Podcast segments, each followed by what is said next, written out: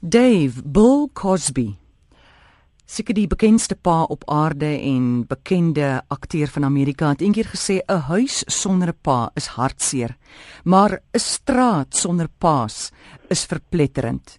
Ek wil vir jou vra, wat is die effek op kinders en op die siege van 'n gemeenskap as daar 'n straat is sonder bome of blomme of plante, as daar 'n straat is sonder enige groen?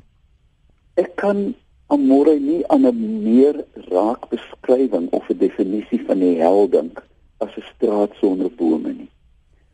Ek kom uit 'n ou dorpkultuur, die dorpie Robertson, waar ons strate eenvoudig tonnels van bome was. Tonnels Amore, jy het onder in hierdie groen akwarium lig het jy op jou fiets gery.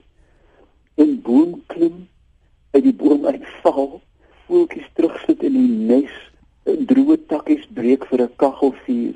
Dit is so deel van my sesel. My hele droomwêreld van die jeug bestaan eintlik uit bome uit. Ek het in bome gesit, ek het merkies gepluk, ek het voeltjies teruggesit. Ek het tannies gehad, tant Ella het boom geklim. Ek het eendag opgekyk haar en tant Ella se so bruin bloemers gesien. Ek het nagmerries gehad vir jare. Is dit waar jy jou knou gekry het? ek het 'n verskriklike knou bloeme gekry, maar ehm um, by plek staan dit was deel van die boom ondervinding. Daar was peerbome, jy weet, en en, en eenvoudig net koeltebome. Ah. Um, 'n kind wat nog nie in 'n boom geklim het nie, 'n kind wat nog nie uit 'n boom geval het nie, is nie 'n kind nie. Ehm um, en ek voel, jy weet, om dan teen laatensyd al is dit hoe warm buite in die koelte van 'n boom te gaan sit. Bome bring blomme, bome bring bye, hulle bring reuke, eh, hulle bring die aarde so terug na jou toe. Jy hoef nie trope toe te gaan. Jy kan 'n tropiese boom, jy kan 'n vy by jou plant en by so 'n boom kan 'n mens mos droom. Ek dink nou aan 'n gemeenskap in Johannesburg, Diepsloot, wat die wêreld geruk het die afgelope 2 maande waar klein kindertjies gemolesteer is en doodgemaak is en selfde ook so met vroue. En as jy verby Diepsloot ry, dit is net so verwaarloos. Daar is nie een stukkie groen daar nie. Dis net modder en dit is vervalle huise. Is dit naïef om te sê kom ons begin net deur bome te plant daar of uh, vir die mense te leer van tuin maak? Natuurlik is dit nie naïef nie.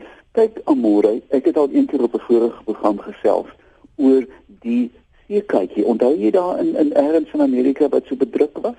Die seekat. Het hulle 'n seekat whisperer gekry? Ja. Hoe moet ek? Ja.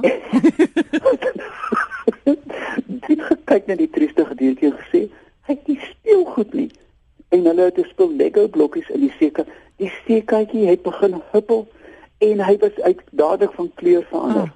'n Mens vind dit by diere in dieretuine waar daar nie stimulering is nie dat hulle begin met sogenaamde displacement activity. Ja. Papegaaie trek hulle vere uit. Ape trek hulle hare uit. Hulle raak neuroties. Hmm. Mense is net so.